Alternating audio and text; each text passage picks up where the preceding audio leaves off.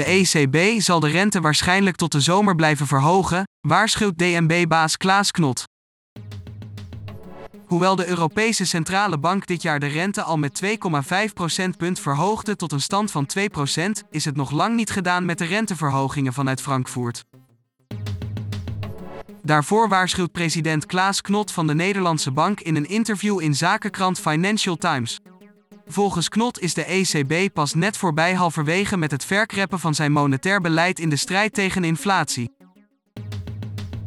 Onder krap monetair beleid valt het verhogen van de rente, om zo de economie wat af te remmen en ook de inflatie te beperken.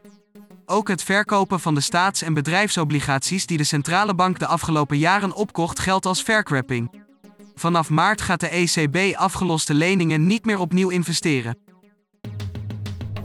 Toch is er nog veel werk te doen volgens Knot. Hij wijst erop dat de beleidsbepalers van de ECB, waar hij zelf ook toe behoort, tussen nu en juli vijf keer bij elkaar komen. De DNB-baas denkt dat de rente in de komende maanden nog met stappen van een half procentpunt omhoog zal gaan en pas in de zomer op zijn piek zal uitkomen. Het risico dat we te weinig doen is nog altijd groter dan dat we te veel doen. We zijn net aan het begin van de tweede helft. Knot ziet het bepalen van het moment waarop de rente hoog genoeg is als de grootste uitdaging voor de ECB komend jaar. Als enige beleidsbepaler van de ECB was Knot al aanwezig toen de centrale bank in 2011 voor het laatst een serie renteverhogingen doorvoerde. Toen kreeg de bank kritiek omdat de eurozone kort na die verhogingen in een crisis viel maar waar er toen sprake was van een lage onderliggende inflatie, zonder de snel stijgende en dalende prijzen van energie en eten meegeteld, gaan de prijzen nu juist hard omhoog.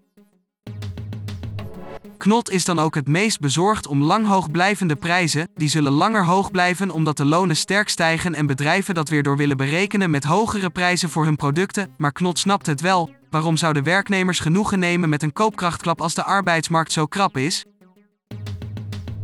Toch voorziet hij dat een recessie als gevolg van de renteverhogingen van de ECB kort en beperkt zal zijn. Cijfers uit Duitsland, de grootste economie van de eurozone, lijken volgens hem aan te geven dat het ergste mogelijk al achter de rug is.